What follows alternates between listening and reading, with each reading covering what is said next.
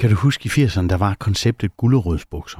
Nej. De, de, de var sådan lidt, man kunne købe sådan nogle, de var sådan, de var stramme ned, så gik de sådan lidt ud, og så kunne man også købe gullerødsbukser med, med frynser på ude i siderne. Nå, ja, dem, ja. Ja, Øhm, jeg havde ikke dem med frynser, men jeg havde dog de, den der form. Og så kan jeg huske, at jeg havde sådan en, jeg var en, en, sådan en, en bomuldssweater i sådan øh, lys tyrkis, jeg var glad for, og så en lille rød polo indenunder. Og så havde jeg på det her tidspunkt briller, sådan lidt elfenbensfarvede briller, og, og håret tilbage.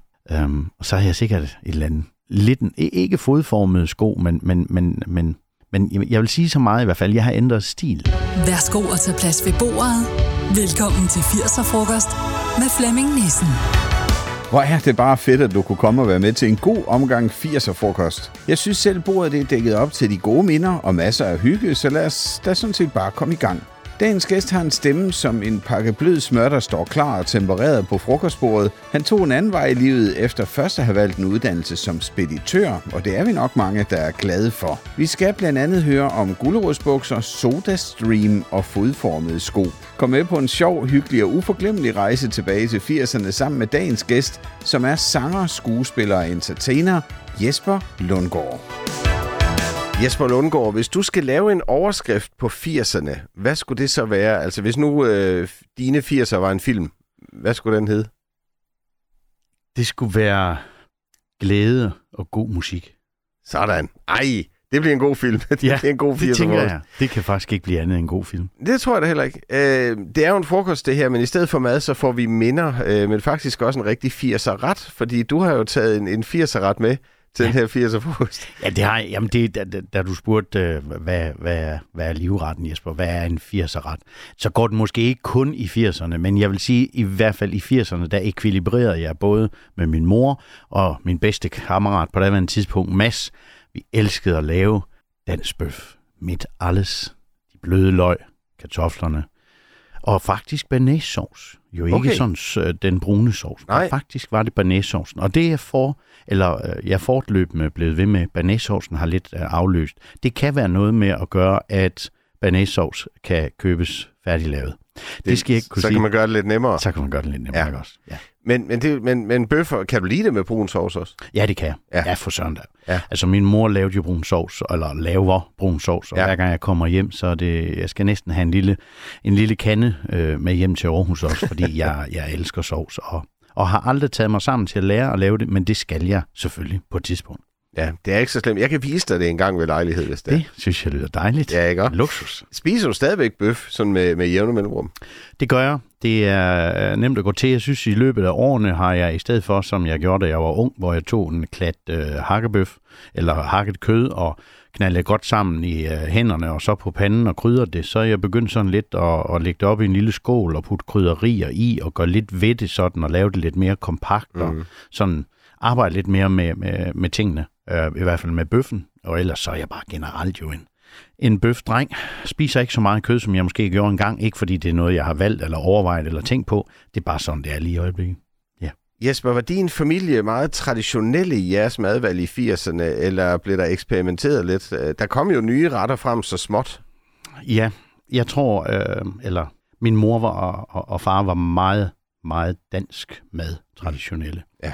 Jeg fik, som nok gange mange andre danskere, i hvert fald min del af konceptet koteletter i 80'erne. Og den dag i dag spiser jeg faktisk ikke koteletter, for jeg fik rigeligt. Men det var, øh, det var frikadeller, og det var øh, karbonade, og det var øh, lidt stegt flæsk med persillesovs. Øh, gængse ting. Og så skete der jo lige pludselig det, at øh, vi i, sidst i 80'erne, i hvert fald hjemme hos os, skulle til at spise salat. Salat kom lige pludselig ind for højre. Og dengang var det jo meget øh, iceberg og kinakål, Kinakål, ja. ja. øhm, som blev snittet, og så kom der sådan en Thousand Island øh, ting ind og stod på, på bordet. Og, og det var sådan det. Der var ikke rigtig noget i, men det var bare det her salat, og så kom der jo så en agurk og måske en lille tomat, men det var meget de her kåltyper. Ja. Øhm, der var, brugte man jo ikke rucola-salat og mixed salad og små bønnespiger og alle de der spændende ting, man kan gøre i dag. Så, øhm, så der kom vi også lidt med på, øh, på vognen, men det var helt klart mest det traditionelle køkken. Og, og jeg tror også den dag i dag, når jeg er ude øh, at spise, for eksempel hvis jeg er på Herford Beef Stew, Ja. griner min søn lidt af, han skal jo have nogle af deres gode mørbrop ting og sådan noget. Jeg skal have deres lille danske bøf, fordi den er lavet, bøffen er lavet af afskåren mørbrad, som, Uh. øh, som bliver brugt der, og det er så lækkert, og så kan man vælge en lille salat, og det er nogle helt andre moderne salater. Ja. Så, så der er nogle ting, der ligesom, øh, der, der, der hænger ved.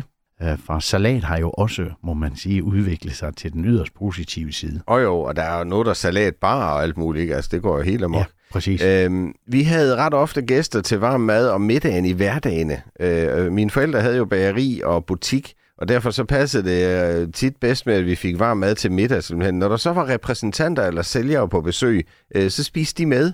Og på den måde, så var der altid... Øh, altså, det var et meget åbent hjem, vil jeg sige, vi ja, havde. Øh, og jeg har de der repræsentanter mistænkt lidt for at time, at øh, de vidste, hvornår nu har Grete maden klar, så nu, øh, nu skal vi ind og besøge øh, Og, Kalles og nu Bageri. har jeg jo ikke haft fornøjelsen af at, at, at møde din mor, men jeg har mødt din far, Ja. og han er jo en, en yderst øh, lun og velbane øh, herre. ja. øhm, så på den måde, så, øh, så, så kunne jeg godt forestille mig, at nu, nu er det sjovt, du siger repræsentanter, fordi mine forældre, eller min familie, havde en, øh, en gymnastikbeklædningsfirma, øh, der hed Carite Gymnastiktøj. Ja. Og vi havde tit faktisk også gæster, men det var øh, Carites kontorer i øh, Europa Ja. øh, repræsentanterne derfra, de kom hjem, og der, der var det meget med, at de kom hjem til os, og så skulle de have noget gedin dansk mad, og også sådan morgenmad, og hvad skulle de have der? Og, og der har jeg faktisk også nogle rigtig øh, gode minder øh, fra det. Det kunne jeg mærke, det var noget, de nød. Der var en meget afslappet stil, det der med lige at stemple ud, og så bare være hjemme hos øh, Kurt og Bente, og, og deres to børn, Charlotte og Jesper, og, og så bare noget standard dansk mad. Jeg tror, der er blevet lukket, som du sikkert også har oplevet, øh, mange aftaler, og man, man lærer også netop over maden og samtalen, der lærer man øh, hinanden også at kende på en anden måde, når man for det meste har et forretningsmæssigt samarbejde.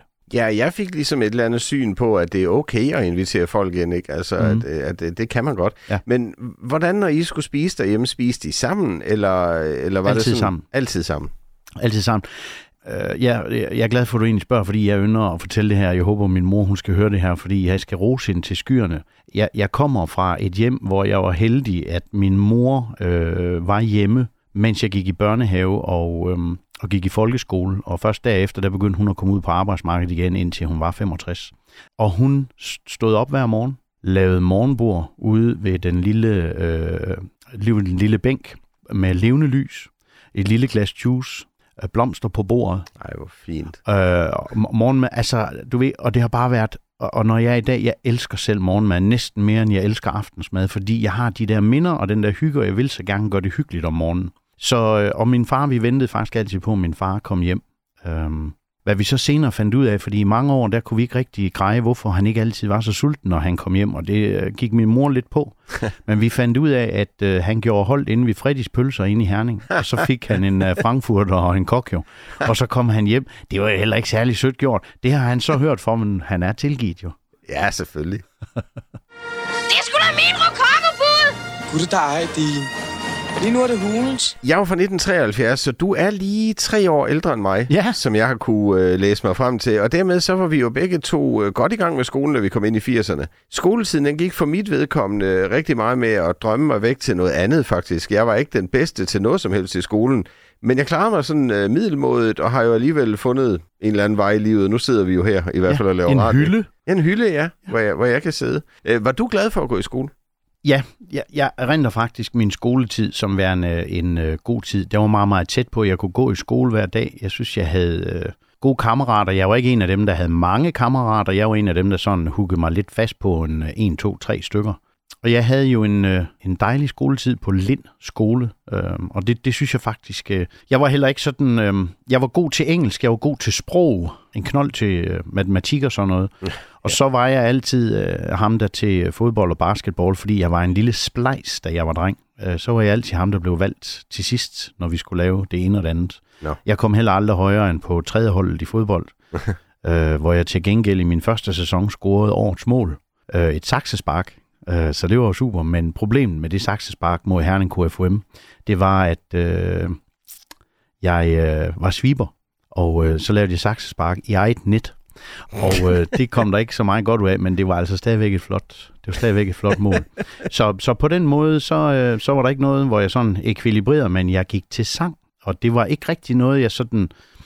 Jeg, jeg endte i 8. klasse med at stoppe. Der var jeg sidste dreng mellem en masse piger, men jeg havde faktisk fire år i skolekor, som jeg, og det kunne jeg virkelig, virkelig godt lide. Mm. Men det var ikke noget, jeg tænkte, at det var en vej, jeg skulle. Det var, det var først en 12 år senere, at jeg træffede det valg.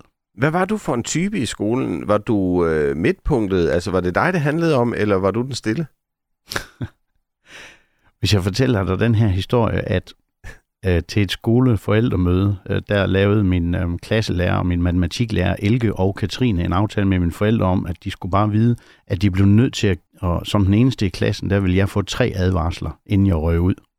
og ikke to, fordi ellers så ville jeg komme for meget ud. Jeg kunne ikke holde min mund. Jeg snakkede, hold, jeg, hold kæft. Hvis jeg havde mig selv i skolen, nej.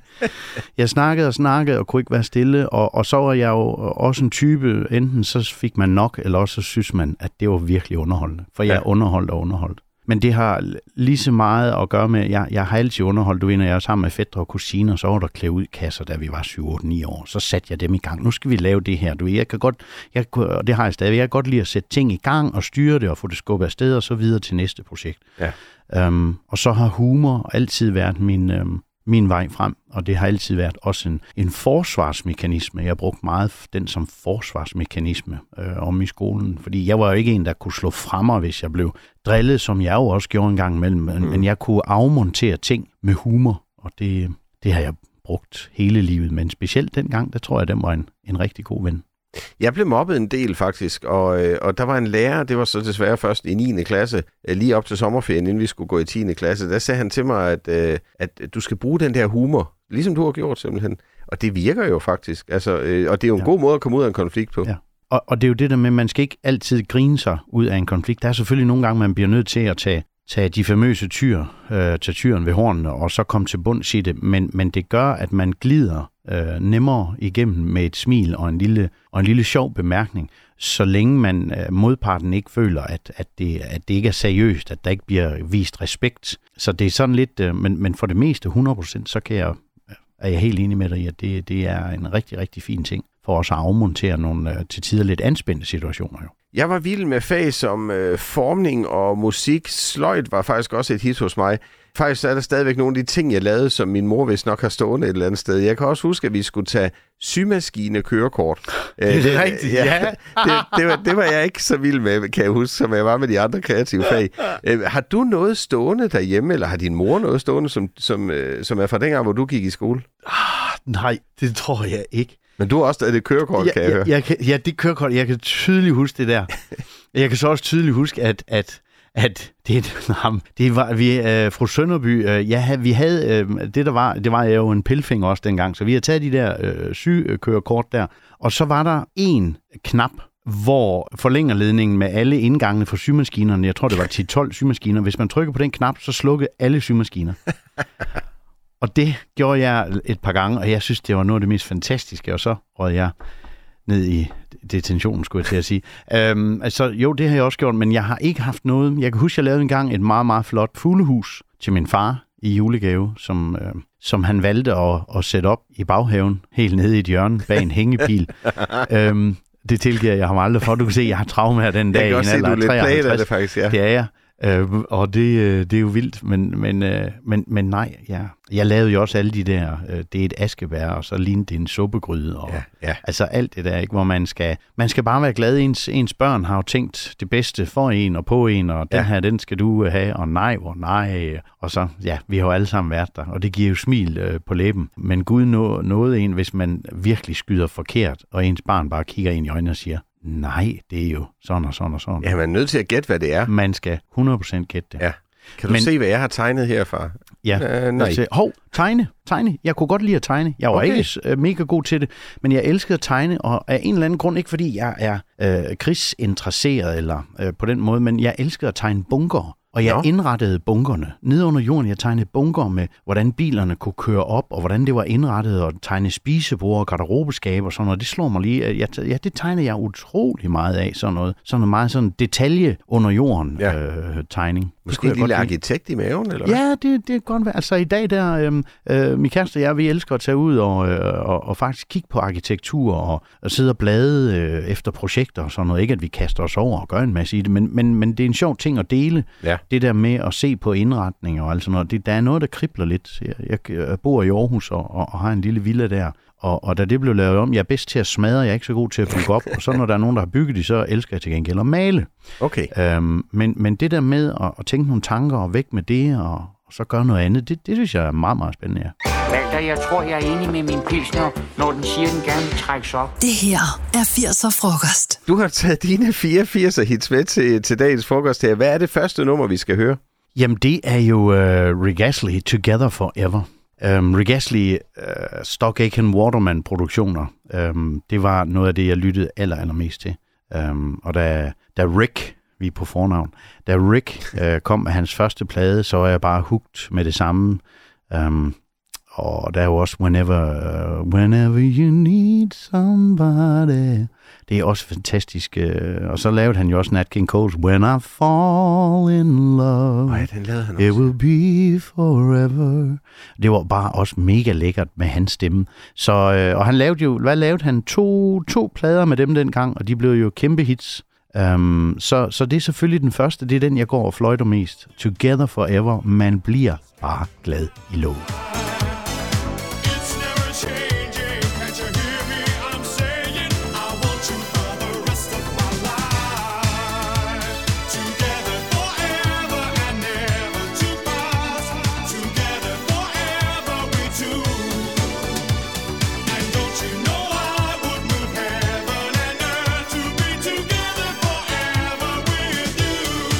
Derhjemme der legede vi meget sammen med de andre unger i kvarteret. Vi boede sådan tæt på både skoven og stranden i Sønderborg, så der var mange muligheder for at give den gas. Og dengang der satte man ikke så meget pris på det der lækre sted, vi egentlig boede. Men når jeg i dag kører forbi eller cykler en tur øh, langs vandet i Sønderborg, så tænker jeg altså ret ofte på, hvor heldige vi egentlig var som børn. Ikke? Har du stadig forbindelse til din barndomsgade? Øhm, nej, øhm, det har jeg ikke. Det havde jeg i en del år. Mine øh, forældre flyttede i 2005 fra mit barndomshjem.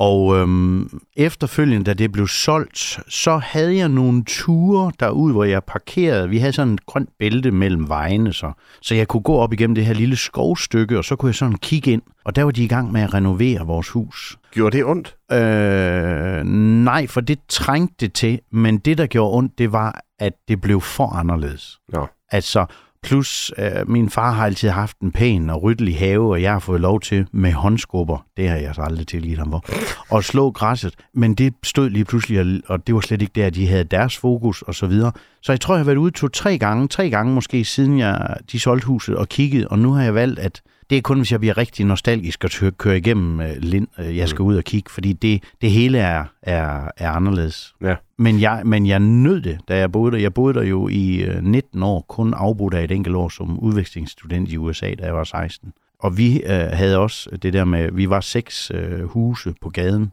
og vi brugte hinanden på kryds og tværs af, af aldre, og havde det der grønne bælte, hvor du kunne bygge huler ude og lege ude, og der var stikdåse og tre mand frem for en enke og alle de der ting. Ja. Så, øhm, så jeg synes, jeg har boet et, øh, et rigtig dejligt sted, og et trygt sted, og man har haft sit eget værelse. Det er jo heller ikke alle, der er heldige at have det. Det er det faktisk ikke, og, og man sætter måske ikke pris på det på samme måde, som hvis man har prøvet, eller man har mødt nogen, som ikke har for eksempel eget værelse, eller Nej. bor så lækkert, som, som nu jeg kan høre, du også har gjort. Ikke? Ja, ja. Øh, så det skal man måske lige sige til de unge i dag. Nu kommer jeg til at lyde som sådan en gammel far. Ja, men ja. men at, øh, husk lige at sætte pris på de goder, I egentlig har. Ikke? Ja, og, og dem er der rigeligt af. 23, 80'er 58 frokost. og 30. 80'er frokost. Når jeg endelig havde fri fra skolen, så elskede jeg at gå øh, ind i min drømmeverden. Og Jeg kunne sagtens lege med mig selv, men jeg havde heller ikke problemer med at lege med andre. Øh, Mine forældre, de mente, hvis jeg skulle gå til et eller andet, så jeg prøvede rigtig mange forskellige ting af. Det, der bed sig bedst fast, det var simpelthen sejlsport. Det var jeg vild med, og jeg er stadigvæk vild med at komme ud og sejle. Ja. Ikke på grund af konkurrencen, men mere det der frie liv til søs. Jeg kan faktisk huske, at der var en gang under en kapsalas, hvor vi jo skulle runde tre øh, bøjer, og så mm. kom tilbage i mål. Der havde jeg det simpelthen, jeg havde det dejligt, og der var medvind, og jeg sad i den her optimistjolle og nød i livet. Så pludselig kom der sådan en følgebåd. Flemming, øh, glemte du ikke at dreje dernede? Skal du ikke videre? ja, lige præcis. Men, men altså, gik du til noget i din fritid? Du var lidt inde på fodbold. Jamen, jeg, jamen jeg, jeg var rundt omkring meget. Jeg, jeg spillede tennis, jeg spillede badminton. Badminton er det, jeg har været aller, allerbedst til. Der var jeg tæt på at kunne nå noget, måske noget elite-niveau faktisk. Åh, Øhm, fedt. Så var jeg rigtig meget til spejder. Jeg var FDF-spejder, og det, det er nok det, jeg har gået til længst, altså flest sammenhængende, sammenhængende år. Ja. Øh, det har jeg virkelig haft. Øh, Var det sådan med mærker og sådan noget? det var med mærker og tumling og væbn og, og øh, ikke pilt, eller hvad det var. Men der var øh, rigtig mange ting, og vi var på, øh, på sommerlejr og, og var på øh, hike og, og, og boede på høllofter og malkede køer på vores cornflakes om morgenen. Og øh, vi malkede ikke, altså vi, Nej, nej, det var jeg, jeg er mælk, med. der kom, ja. Ja. og øh, så lun, frisk mælk oven på øh, kældoksene. Øhm, så, og det havde jeg det rigtig, rigtig øh, dejligt med. Jeg kunne virkelig godt lide øh, konceptet. Så kom jeg over og spillede i Lind FDF, FPF Tambo Korps, og begyndte at spille marstrumme der. Så der havde jeg også fire år i, i tambokorps. Men jeg var også typen, der godt kunne øh, komme hjem fra skole og, øh, og godt kunne lege selv og kunne tegne selv og være mig selv. Og som sagt, så var jeg en af dem, der sådan kastede sig over nogle faste legekammerater. Jeg havde det som øh, blommen i et æg i, i nogle år, hvor jeg havde en skøn ven, der hed Christian. Og hvis han bare kunne lege med mig fem dage om ugen efter skole, så var jeg glad. Så jeg var lidt udfordret ved, at, at det er jo også sundt nok at have flere kammerater, og Ja. ikke bare en. Men jeg var en af dem, der sådan, så gik jeg lige lidt ned i en periode for siden, så, så kunne han jo ikke altid lege mere, og det kunne man ikke. Så fandt jeg en ny, som jeg kunne slå min hook i, og så var jeg sammen med, med, med ham. Men som sagt, øh, sådan rent øh, fritidsmæssigt og, og hobbymæssigt, så, så var der en del sport indenover. Det, det har jeg godt kunne lide. Og så er der stadig weekenderne jo også at spille lidt kampe, og jeg har prøvet det hele. Har du de der spejdermærker endnu? Nej, jeg har ikke så meget fra min, øh, fra min tid. Det er faktisk kun mest, øh, mest billeder. I en periode, der gemte jeg trommestikkerne fra Lind FDF Tambo Mhm. Korps, men dem, øh, dem, har jeg, øh, dem har jeg desværre ikke mere. Mit værelse, det var sådan et, der var bygget i et stort rum i kælderen, hvor jeg havde... Øh, jeg delte faktisk på en måde værelse med min søster, fordi hun skulle ind igennem hjørnet af mit værelse for at komme ind på sit. Mm. Øh, på hendes værelse. Ikke? Og dengang, der gik det sådan set fint nok. Mit værelse, det var enten totalt rodet eller helt pinligt ryddet op. Det afhænger, eller afhang lidt af mit humør, tror jeg faktisk. Øh, var der orden på dit værelse? Ja, det må jeg sige. Det var der. Og det er der også, hvis jeg spørger mor. Øhm, ja, Okay. Øhm, Ja. der, der, der var, øh, altså, når jeg legede, så var der sgu ikke, øh, så var der sgu ikke orden. Øh, så, så, Jamen, det skal så der der, nej, så var der Nej. fuld skrue på. Ja. Ja. Jeg kunne godt lide at lave hule. Jeg har ikke verdens største værelse, men jeg elskede at have stole derinde. Og så hentede jeg alle tæpper i hele huset, og så lavede jeg gange og boede nede i den her hule. Og den kunne så nogle gange godt øh, være, jeg sov inde i en hule om, øh, om natten, og så, så, så var der alt muligt. Det foregik øh, dækket til. Jeg synes, det var fantastisk. Så havde jeg mine små højtalere med nedenunder og sådan noget. Det var helt fantastisk. Men jeg havde det altid bedst med at gå i seng, når der var og ryddet op. Og når jeg forlod mit værelse, så var der også ryddet op. Og når jeg ser billeder, så er det det samme. Og det, det er det samme i dag. Øh, når jeg øh, forlader mit hus, så, øh, så er det øh, alt andet lige. Det lyder voldsomt, det jeg siger nu, men altså, det er klar til en fremvisning på en eller anden måde. Altså, jeg kan godt lide, at det, det, det står pænt. Hvis, øh, min mormor sagde altid, at du skal forlade dit hjem, som hvis du øh, blev syg, eller der er nogen, der lige pludselig skal ind i dit hus, så skal det se pænt ud. Ja. Og det, øh, det har jeg nok også efterlevet. Jeg har det bedst på den måde. Så hvis der, hvis der nu, øh, Gud forbyde det, skulle komme indbrud, så skal det se ordentligt ud. Så, vil, så skal det se ordentligt ud. Det skal det. De vil nok sige, at han har gjort klar til os. Det er overskueligt, det her. Øh, Prøv lige at beskrive dit hjem, hvis vi nu går ind ad hoveddøren. Øh, ikke nu, men i 80'erne. Øh, hvordan så der ud hjemme hos jer? Øhm, jamen, øh, der var jo to indgange, som der var i øh, mange af de her villager dengang. Der var den, den fine indgang, hvor der var sådan et lille... Øh, nu kan jeg ikke lige huske, hvad ordet er, for jeg har faktisk ikke brugt det siden. Vindfang? Men der, der var ordet vindfang, Ja. ja. ja. Fordi der er jo næsten ingen, der bygger vindfang Nej, i dag. Vel, nej. det er ligesom, men der var et lille vindfang, og så var der sådan noget, sådan noget uldent øh, tæppe, ligesom sådan noget filtagtigt med lidt hår øh, i sådan en ja. tyrkis farve. Ja.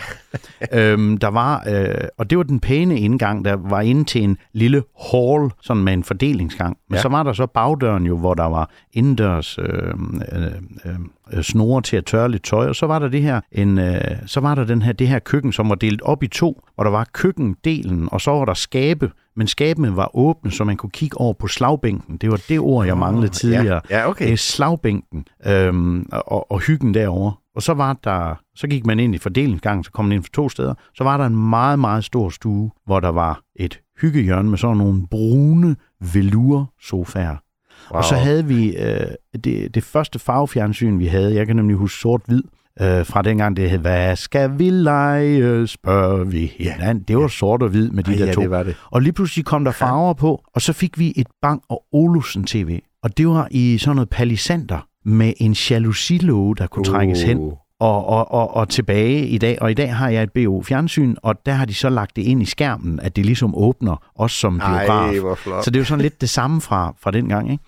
Og så havde vi den pæne stue med, med, med sådan nogle grønne øh, møbler-agtige. Og, så det var, så det var, en, det var en stor stue, der var, øh, og så var der jo selvfølgelig øh, en lille grøn Philips øh, højtaler. Det var meget palisander. Palisanderbord, kakkelbord, det kunne min far også godt lide. Det havde, havde min mor og far købt i deres første lejlighed i Horsens. Så det var, og og det var et varmt hjem, og der hang øh, øh, Bjørn Wienblad platter, de der meget farvefulde platter. Nå ja, ja. De hang på endevæggen også. Ja. Der var kun en, der gik i stykker. Det var en gang, jeg var alene hjemme og spille fodbold med Allan inde i stuen. Der gik den i stykker. Det var ikke lige en god periode der i 48 timer. Men ellers så, ja, hyggelig, hyggelig hjem. Og så havde vi jo de der fordelingsgange jo, ja. hvor værelserne lå. Ja. Ja. Og, og, og, blå fliser på væggene og terrazzo-gulv på, på badeværelserne. Nå ja. ja, det Ja. var ikke, der var ikke blå Nej, fliser på øh, væggene nede på værelserne, Nej. men øh, ude på badeværelset. Ikke? Og det lille gæstetoilet også og sådan noget der. De der, de der farvede fliser, de er jo faktisk ved at blive moderne igen. Ja, Så og, man, og skal, jeg, man skal bare gemme det der. ja, man skal gemme det, Ja. og, og så skal man ikke øh, male alting over. Det her er 80'er frokost. Du har taget et nummer mere med. Øh, nu skal vi til 1986. Hvad er det, vi skal høre nu? Og vi skal en tur uh, down under. Vi skal til John Farnham.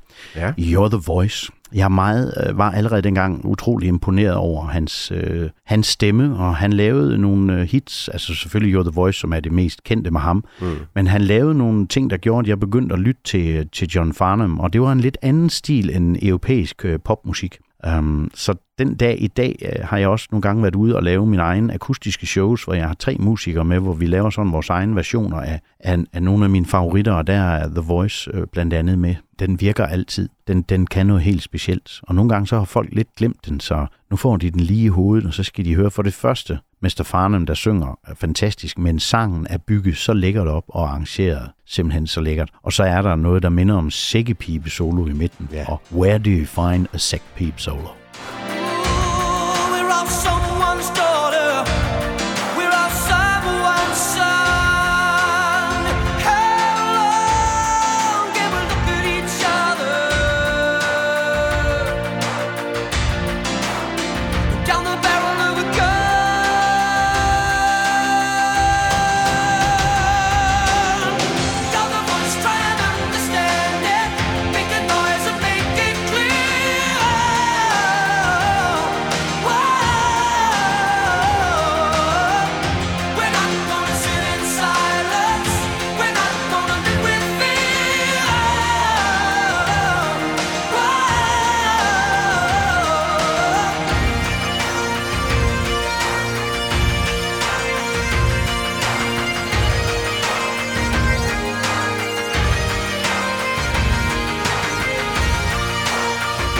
Det er altså også et fedt nummer. Øh, jeg hørte en del musik først på en spolebåndoptager, og så på sådan lidt øh, halvslidt pladespiller, og siden på en ghetto blaster, og så fik jeg selvfølgelig også en stereoanlæg i flere dele, man, øh, man byggede op. Ikke? Øh, hørte I meget musik hjemme hos jer? Nej, det gjorde vi faktisk ikke. Altså, vi havde anlæg inde i stuen, og på et tidspunkt kom der også CD i. Øh, min far, øh, sådan de sidste, øh, fra jeg var 15-19 år og boede hjemme, der begyndte han godt at kunne lytte, lytte lidt jazz og sådan noget, men der kørte tit radio. Altså, der kørte sådan øh, P4 og P3. Øh, det var en lidt, P3 var en lidt mere blød radio. Øh, det var nok mere sådan P5, P4, da- dengang jeg Ja, var dreng, ja. øh, P3. Øhm, så det, det kørte der. Men der var der blev uden sammenligning spillet mest musik, det var inde på, på, på mit værelse. Og jeg startede jo også med Ghetto Blaster og kassettebåndoptager, og man skulle trykke på record og play på samme tid, for ja. at kunne optage og spole tilbage og båndsalat. Og da jeg så bliver øh, 14, der er jeg nede ved Stig Radio og TV nede i Lind og købe mit øh, eget øh, anlæg, sådan et Denon, der hang sammen Ja. i, guld, i guld. Det var jo voldsomt dengang. Men mit allerførste, det var nogle aflagte højtaler inden for min, inden fra min onkel, og sådan en, en gammel Philips, når du tændte den, så blev det sådan rønt hele, grønt hele vejen hen i FN-båndet. Når man tændte, og den stod tændt om aftenen, det så så fint ud, ikke? Ja. Ja. Øh, delte du musiksmag med din mor og far? Nej, altså min mor har altid godt kunne lide øh, popmusik, men det var lidt ældre, og min far, han var sådan lidt, øhm, han, var, han var sådan lidt jazz, jazzmand dengang, og det, det var ikke rigtig mig. Øhm, så vi, vi kunne godt lide at se Melodi Grand Prix sammen dengang. Det var der jo nok de fleste, der godt kunne. Det var Ja. jo en ting, der samlede folk i 70'erne, 80'erne og, og til dels 0'erne, men nok mest 70'erne. Øhm, men, men sådan øh, decideret øh, fællesskab omkring øh, musik, det, det har vi ikke haft, nej. 80'er frokost. På det her tidspunkt, der skal vi på en tidsrejse, og du må bestemme årstallet i 80'erne, hvor vi skal mødes med dit yngre jeg. Hvilket år skal vi til? Vi vælger 1986. Hvad, øh, hvad vil du sige til dig selv, hvis vi nu øh, dumper ned foran Jesper Lundgaard i, øh, i 86? Hvad vil du så sige til dig selv? så vil jeg sige øh, til mig selv, at det du mærker nede i din mave, det du kan mærke, gør dig overraskende glad. Det talent, du faktisk har, det skal du huske at give plads til, når du kommer hjem. Du behøver ikke at vente otte år. Hold da op. Hva? Den holder vi lige fast i. Men nu skifter du krop. Det lyder, det er jo totalt sygt det her, ikke? Men nu, nu Det hopper er du... podcasten, og det er bedst. Ja, det er det. Nu hopper du over i den unge Jesper Lundgaard, og ja. så kigger du på ham, jeg sidder sammen med nu. Hvad siger den unge Jesper Lundgaard? Hvad synes han om ham, jeg sidder sammen med? Ja, åh, hvad vil han... Øh, jamen, øh, Altså, hvad vil du da man, som da ung man sige, var, hvis du da man var selv? 16 og, og mødte sådan en som mig nu, så tror jeg, man vil sige, det er, det er, en, øh, det er, en, øh, det er en hyggelig mand. Det er en øh, sød mand. Han er, øh, han er nem at snakke med. Det er interessant. Han, han, han stiller mange spørgsmål til mig om, hvad jeg laver. Han viser interesse øh, i mig. Han ser, han, ser, han ser glad ud. Han virker som om, han er i balance. Det er jo nok ikke et ord ind på 16, lige vil bruge. Men, øh, men ikke desto mindre, så, så tror jeg, det er, man, man, vil se på, man vil se på en mand, som, som øh, ser ud som om, ja, ordet, ordet glad er nok rigtigt. Jesper, øh, nu valgte du 86, og jeg kunne jo faktisk se på dig øh, under det her, at, at det gjorde et eller andet ved dig, da jeg sagde, hvad du ville sige til dig selv. Hvor, hvad, hvad er det lige, der sker i 86? Jamen, det er fordi, at i 1986, øhm, til overraskelse for mig selv og ikke mindst min familie, der vælger jeg at tage på øh, udvekslingsstudentsophold i, øh, i USA, i en lille by, der hedder Auburn, øh, syd for Seattle i staten Washington. Og jeg tager derover og vil lære dem at spille europæisk fodbold. Jeg tænker, de, de er jo nok ringere end jeg er, og jeg var jo ringe i forvejen. øhm, og, og, og, og, og tennis og badminton og volleyball og sådan noget. Så kommer jeg på den her high school, Auburn High School, og så, da jeg skal vælge timer, så ser jeg, at man kan vælge kor. Og så kommer jeg i tanke om, jamen, jeg har jo sunget i kor, til jeg var, ja, til, til jeg var i 8. klasse, og, og, og, og man kan vælge dramaundervisning. Og det var øh, som om, at det år i USA, det, det er netop ved, at jeg så valgte de her ting, som slet, slet ikke var planen. Men mulighederne var der lige pludselig. Det begyndte jo at pige til, øhm, til de muligheder, jeg senere valgte at gå efter øh, i livet. Så da jeg, kom, da jeg kom hjem, og så gik jeg jo på handelsskolen og lavede alt muligt andet, men, men musik, øh, jeg var med koret i, i, i Canada, jeg øh, fik øh, min første rolle i en, øh, i en musical, øh, der skrev Rodgers og Hammerstein, der hedder Babes in Arms, mens jeg gik på high school. Så jeg fik rørt rundt i musik, skuespil, entertainergryden i 1986. At det, der så stadigvæk skulle gå fra jeg kom hjem otte år, inden jeg sådan hoppede ud i det, det var jo fordi, jeg var en sindig, en sindig jyde, og jeg troede egentlig, jeg havde styr på, hvad jeg skulle. Var det janteloven eller sådan noget, der holdt dig tilbage, tror du? Jeg, jeg kom fra en jysk øh, tekstil uldkrammerfamilie, og, og jeg skulle nok, øh, ikke fordi jeg skulle være inden for familiefirmaet, men jeg blev jo først speditør og fik min handelsskoleuddannelse, og, og er den dag i dag glad for, at jeg fik den uddannelse og sådan der, men, men at gå direkte videre, det, det, lå, det lå slet ikke i, i, i kortene. Det, det kunne jeg, øh, jeg tror engang, jeg havde tænkt tanken dengang faktisk, men, men i dag kan jeg jo se i, i klogskabens øh, baglys, at at det var jo det, der ligesom var med til at sætte en masse ting i gang, at jeg var derovre, og at jeg havde de oplevelser, fordi de blev selvfølgelig lagt ind på, øhm, på harddisken i ens sjæl. Hvis du ikke var blevet sanger, hvis vi ikke havde fået fornøjelsen af din fløjlsbløde stemme, Mm. så var det, så, så var det speditør. Øh, tror du, du havde holdt fast i det, eller havde der været andet på vej? Der er jo nogle gange i livet, hvor man har den her oplevelse, der hedder, øh, en dør lukker, og en åbner. Øh, jeg har så den udgave, der hedder, nu står der to døre åben. Hvad for en vælger du? Ja.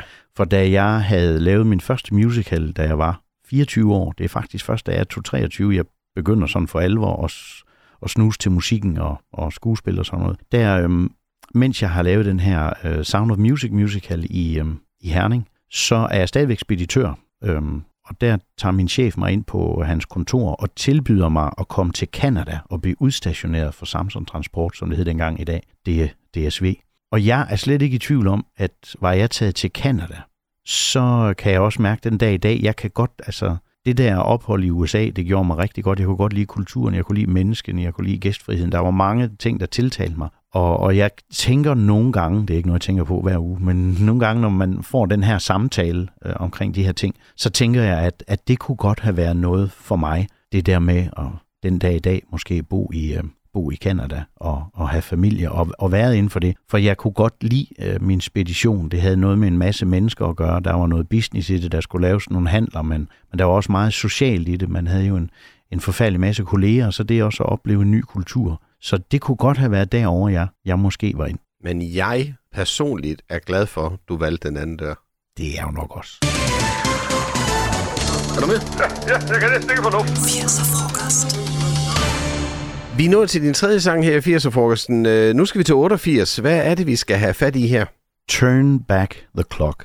Johnny Hates Jazz. Fedt cover på vinylen. Lige pludselig kom der en gruppe, som igen lavede noget, noget anderledes pop. Der var sådan lidt øhm, øh, Rick Astley Spandau Ballet, øh, krydder Hall Hall Notes. Der var alt muligt blandet sammen i den her Johnny Hates Jazz gryde. Og, øh, og, og, og selve sangen, nemlig Turn Back the Clock, den minder det er jo også lidt en tekst, der, hvad nu hvis vi lige kunne spole tiden tilbage nogle gange i forhold til det, vi, øh, til det, vi oplever i livet. Det kunne jo være en god idé. Og så igen, jeg er en popdreng. Det kan jeg ikke benægte. Live my life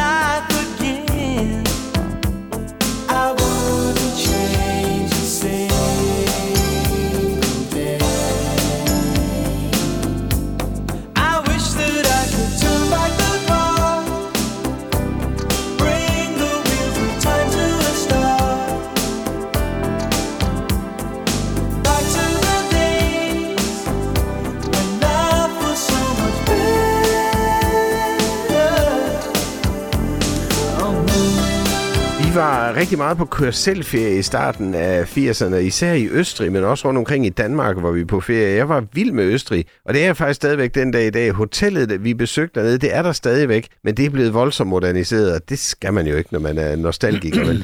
Men den dag i dag, når jeg kører igennem Tyskland og kommer til Alperne, så får jeg sådan en lækker, varm følelse ind i, ligesom når man er forelsket. Så jeg tror, jeg er forelsket i Alperne på en eller anden måde. Ikke? Øh, hvordan holdt du og din familie øh, ferie i 80'erne? Vi var meget, øh, vi var meget i, i Danmark. Øh, Jeg har nogle rigtig dejlige minder. Vi, vi, vi havde vores øh, familiegymnastikfirma Carite der, der, den svenske udgave af, af dem. De havde et øh, sommerhus oppe i Gilleleje. Der har jeg været rigtig, rigtig meget. Så var det jo også, at min mormor og morfar boede øh, ved Svanemølle station på Kildevældsgade ved Østerbrogade. Mm. Så dem skulle vi også altid over til en uge om øh, sommeren. Vi havde ikke de her køreferier. Det var faktisk først, da jeg sådan kom op i alderen, så var vi nogle gange lidt i Hartsen og gå lidt ture. Og så var vi på busrejser til, øh, til Gardasøen. Men det var først, da jeg sådan øh, kom op i, øh, komme op i alderen. Ja. Så det har været rigtig meget øh, køre selv ferie i, øh, i Danmark. Og så til gengæld, da jeg har været, som sagt, udvekslingsstudent i USA, så i 89, der har vi den uden sammenligning største ferie med familien, hvor vi var øh, tre uger i, øh, i USA, min søster og, og morfar og jeg. Som, så det er den længste, det er den største, det er den vildeste ferie, vi, vi nogensinde har været på. Var du overvist det, du havde oplevet? Præcis, Altså, ja. ja. De var over at møde min... Øh, vi har noget familie, øh, vores rigtige familie, om så må sige, der emigrerede til USA tilbage i 20'erne. Og de er i dag grenen bosat i Minneapolis, så vi var først over til familie, kom sammen i Minneapolis, og så fløj vi til Seattle øhm, og mødte øh, min familie, dem jeg havde boet ved, og øhm, det var fantastisk. Og lejede en bil i Los Angeles og kørede op ad Highway 1 øh, med mine forældre og min søster. Det var, det var flot. stort. Det er en Ja, flot tur. er du tosset? Jeg gjorde det igen, øh, men ved daværende kone tilbage i øh, år 2000, og der var det sådan en lille Ford Mustang, hvor vi kunne tage toppen af. Og, og bare fedt. cruise afsted. Så det var helt fantastisk. Det eneste, der var dårligt, det var, at vi havde to Samsonite-kufferter, og de kunne ikke ligge, når toppen skulle ned, så kunne de ikke ligge i bagagerummet. Så vi kørte op og synes selv, vi var seje, men der var to Samsonite-kufferter, der stak op fra bagsædet hele vejen op ad kysten. Det ødelagde lidt imaget, men øh, ja, ja, sådan kan det jo gå. Vi kom frem, jo, det var sjovt. Det her er 80'er frokost. Nu skal vi til fest sammen med 80'ernes Jesper Lundgaard, men prøv lige allerførst fortæl mig, hvordan så du ud, når der skulle være fest? Altså, øh, hvis jeg nu møder Jesper på vej til fest, hvordan ser du så ud? Kan du huske i 80'erne, der var konceptet gullerødsbukser? Nej, De, de, de var sådan lidt, man kunne købe sådan nogle, de var sådan, de var stramme nederst, så gik de sådan lidt ud, og så kunne man også købe gulderødsbukser med, med frynser på ude i siderne. Åh, ja, dem, ja. Ja, øhm, jeg havde ikke dem med frynser, men jeg havde dog de, den der form. Og så kan jeg huske, at jeg havde sådan en, jeg var en, en, sådan en, en bomuldsvætter i sådan øh, lys tyrkis, jeg var glad for, og så en lille rød polo indenunder. Og så havde jeg på det tidspunkt briller, sådan lidt elfenbensfarvede briller, og, og håret tilbage. Øhm, og så havde jeg sikkert et eller andet, lidt en, e-, ikke fodformede sko, men, men, men, men, men jeg vil sige så meget i hvert fald, jeg har ændret stil. Jeg er typen, der tænker meget i billeder. at de, vi, jeg tror ikke, vi skal fremkalde dem umiddelbart. Det- det- nej. Men lad mig lige høre, var du så festens midtpunkt? Altså, var du øh, Nej, Fred. Astaire på dansegulvet? Nej, eller? slet, slet ikke. Jeg kunne godt øh, lide at danse. Øh, det var sådan, det kom omkring 20 års øh, alderen, men der de første fester, da man var sådan 16, 17, øh, 18, der, der, tog, der, der var det sådan mere lige at stå med en, med en sodavand eller en øl lige og se tingene an. Der var jeg, der var jeg slow starter, og så begyndte vi at komme på dansegulvet, og øh, der, det der med damer og sådan noget, det, det var, der var jeg også, der var jeg altså også slow. Øhm, så jeg dansede mest sammen med mine to gode venner, Mads og Palle, på det, der i sin tid hed Romantika-diskoteket i Herning, hvor vi dansede op på første salen. Så var det bare drengene, der dansede sammen, og så, ja, så bagte man jo så på en eller anden sød pige hele aften, og lige pludselig, da klokken der var halv to, så tænkte man, hvor man hun så tog hen nu. Øh, og så stod man tilbage med masser og Palle, og så tog man bussen hjem. Øhm, sådan kan det jo gå. Så nej, jeg var ikke, øhm, jeg vil sige, det, det er kommet efterfølgende, også at jeg måske har fundet øh, roen og til, selvtilliden til at stå og give den lidt gas ude på gulvet, og ikke så meget tænke på, hvad folk egentlig tænker om det, øh, jeg står og laver, men jeg egentlig bare nyder det. Jeg kan huske, at jeg var sådan lidt nervøs for det der byliv. Stoffer og slagsmål og alt sådan noget, jeg sad og forestillede mig derhjemme. Det var ikke noget, jeg havde lyst til at komme alt for meget i nærheden af. Øh, Da jeg så tog mig sammen og kom ned i Sønderborgs natteliv, så var det jo temmelig fedt faktisk. Altså, men det bedste for mig, det er, og har altid været, fester under private former, eller øh, have gæster derhjemme, eller være mm. gæst hos nogen. Var du med til alle fester, eller havde du andre ting, du hellere ville? Ja, øhm, nu, nu, nu sker der jo det, at i 89, der, får jeg jo, der bliver jeg elev inden for det her speditionsfirma der. Øhm, så der vil jeg sige, der begyndte der at blive skruet op for festerne. Mm.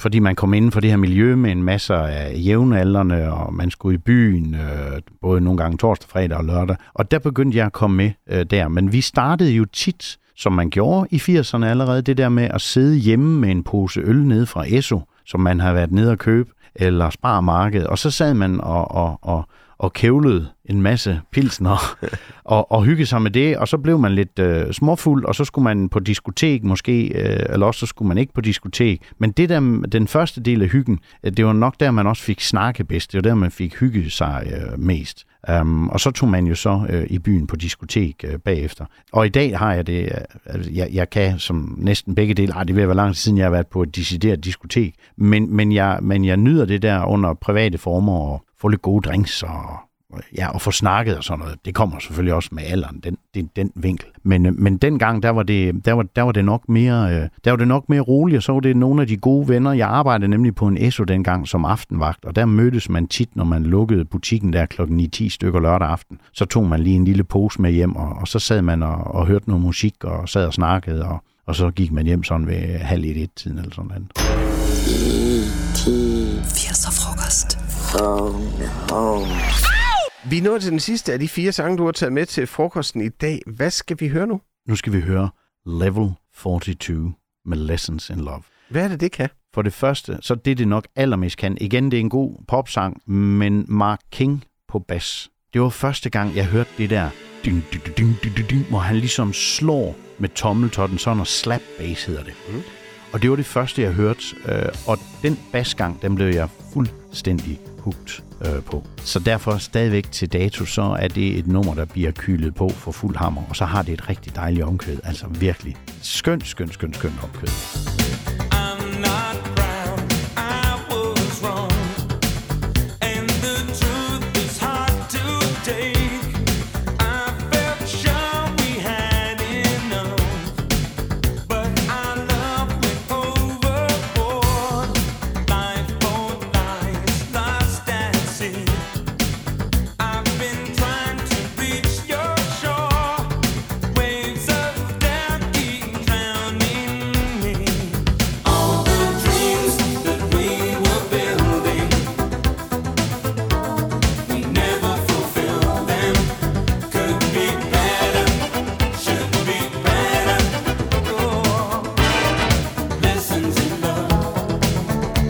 Jeg kan huske, at der kom SodaStream-maskiner frem, og jeg var meget misundelig på dem, der havde sådan en derhjemme. Øh, også selvom vi jo havde kager og sodavand og alt det der oppe i butikken, og man kunne jo egentlig bare gå op og, og hente det. Eller det ved jeg ikke, om man måtte, men det kunne man, kan jeg så fortælle.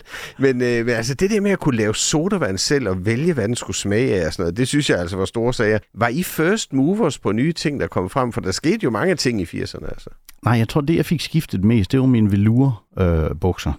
øh, så fløjlsbukser hed det, undskyld. Ja, fløjlsbukser. fløjlsbukser, Det var ja. det, jeg fik skiftet ja. mest. Men nu spørger du ind til noget, som er helt fantastisk. Ja. For man skulle næsten tro, at vi har forberedt det her. Det kan jeg så sige til lytterne, det er ikke tilfældet. Men den første danske SodaStream-reklame, der blev lavet, Ja. den blev lavet af Rosendal Reklamebyrå, som boede lige ved siden af os. Det var vores nabo. Og Biver Rosendal, der havde det firma, der blev Mette, Per, Christian og Jesper fra gaden, de blev sat over på deres slagbænk, og så blev der taget et billede af os fire, og jeg har det billede derhjemme fra en avis, hvor vi var reklame, og der var det SodaStream reklamen, altså de her fire unge mennesker, og så var der, og det var en sort-hvid reklame, hvor øh, den var portrætteret for første gang, den første SodaStream-maskine. Ja, var det vildt. Ja, det er sgu lidt sjovt at lige spørge om det også. Ja, det er det da faktisk, Ja, fordi nej, øhm, det har vi ikke... Altså, nej, det har jeg har ikke. selvfølgelig forberedt noget hjemmefra, men, ja. men vi har jo ikke Ej, jeg snakket fik sådan helt julelys i øjnene, og jeg Ja. kan bare ty, og det er netop fordi, den reklame har jeg så siddende hjemme i det der øh, billedmappe, eller billede, fotomappe, min mor har lavet op gennem min, min teenageår, Ja. ja. hvor man sætter de små billeder ind og sidder og skriver med kuglepind. Her er Jesper over hos naboen og laver reklame, og her spiller Jesper hans første Ja, man sad og fodboldkamp. skrev under billedet. Man og så- sad, ja, ja øh, så der var en historie til det. Så, øhm, så, så det er min indgangsvinkel til SodaStream. Øh, vi har aldrig haft det, øhm, og, og vi, vi var nok lidt, lidt, lidt bagefter. Dermed Ja. ja. ikke sagt, at vi manglede noget, men, men, men nej, ikke, ikke first mover på den måde. Nej, prøv at høre, det er jo ikke det samme øh, at være first mover, det er jo ikke det samme som at være rig på alting. Nej. Øh, ligesom det heller ikke er at mangle det, hvis man ikke er first mover, vel? Altså, det ved jeg ikke, om det er lidt kringlet sagt, men, men altså, man er jo tilfreds med det, man har ofte. Altså, Præcis. Men, men altså, græs er jo altid grønnere på den anden side. Præcis. Men vi havde farve-tv og fik det tidligt, og der var jalousilov, så der spillede det alligevel lidt. Taste today? Det her er 80'er frokost. Yes, my boys. Jesper Lundgaard, du har sunget med mange af de helt store. Du er selv en af de helt store. Du har optrådt på revyscener, og der må jeg bare sige, der er du altså fænomenal. Fordi jeg ved ikke, om jeg har set alt det revy, du har lavet, men Det, det har du nok ikke. Jeg lavede jo Rottefælde i Svendborg fra, ja, det har jeg ikke set. fra 2008 til 12, og lige en enkelt gang i 15 også. Ja, så nej, det har jeg ikke. Men jeg har set det seneste, Ja. du har lavet, og det er altså øh, enormt godt. Jeg har også et indtryk af, at især julen er noget, du er mere end lun på, fordi hvert år så er der julekoncerter rundt om i landet med dig og gæstesolister. Men jeg kan lige så godt sige til dig, nu bliver det ikke større.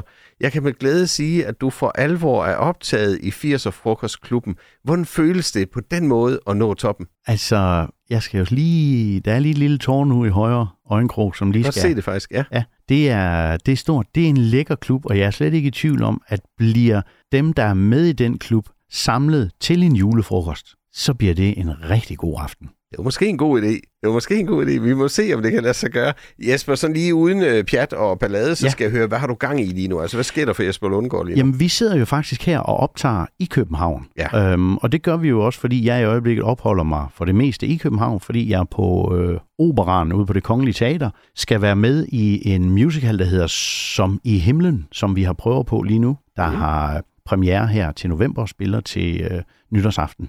Så, øhm, så jeg er københavnerdreng i øjeblikket og nyder at være herovre og har lige fået min elcykel og skal ud og køre rundt på den, så alt er godt. Så det er kæmpestort, og det gør faktisk også, at der ikke er så mange julekoncerter i år, fordi jeg har valgt, og øhm, da jeg fik det her tilbud om at være med i musical på det Kongelige Teater, så tænkte jeg, det bliver jeg simpelthen nødt til at sige ja til. Og det er jeg så glad for, at jeg har gjort. Jeg synes, det er meget, meget spændende at være med, og jeg har en masse skønne kolleger, og det er jo netop noget af det, jeg nogle gange savner, det er den her at arbejde i en stor flok og løfte sammen. Og det skal jeg hilse at sige, at vi får lov til ude på den store scene, ude på operan. Det må også kunne et eller andet at stå på den, altså det kongelige teater. Det, øh, jeg, har, jeg skal sige, jeg har 100%. aldrig været derinde, men det må være enormt fedt at stå på landets scene.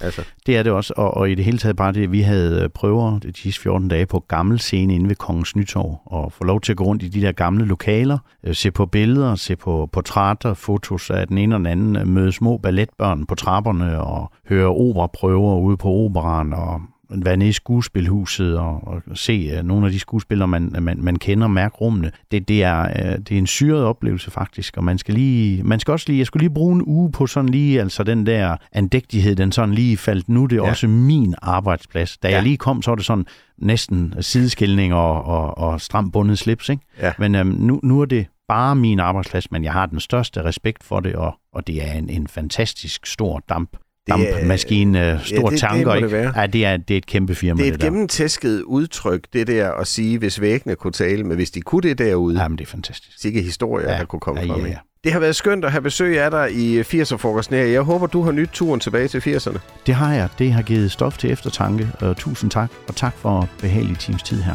Selv tak, Jesper. Det var dagens menu ved 80'er-frokosten. Du sad til bords med mig, Flemming Nissen, og naturligvis med dagens gæst. Endnu en gang tak til sanger, skuespiller og entertainer Jesper Lundgaard. Hvis du kunne lide det, du hørte, så husk at give 80'er-frokosten et like, der hvor du hører podcast. Det vil jeg virkelig blive glad for. Du er også velkommen til at komme med forslag til, hvem du gerne vil høre i en 80'er-frokost. Fra på onsdag kan du gætte med på, hvem næste uges gæst i 80'er-frokosten er. Det sker, når vi lægger et ungdomsbillede op af ugens gæst, og det er altså på vores Facebook-side Classic FM. Husk også lige at smutte ind forbi Dan Raklin og Venner podcasten. Det er altså bare enormt godt selskab. Du finder den og vores andre podcast på classicfm.dk.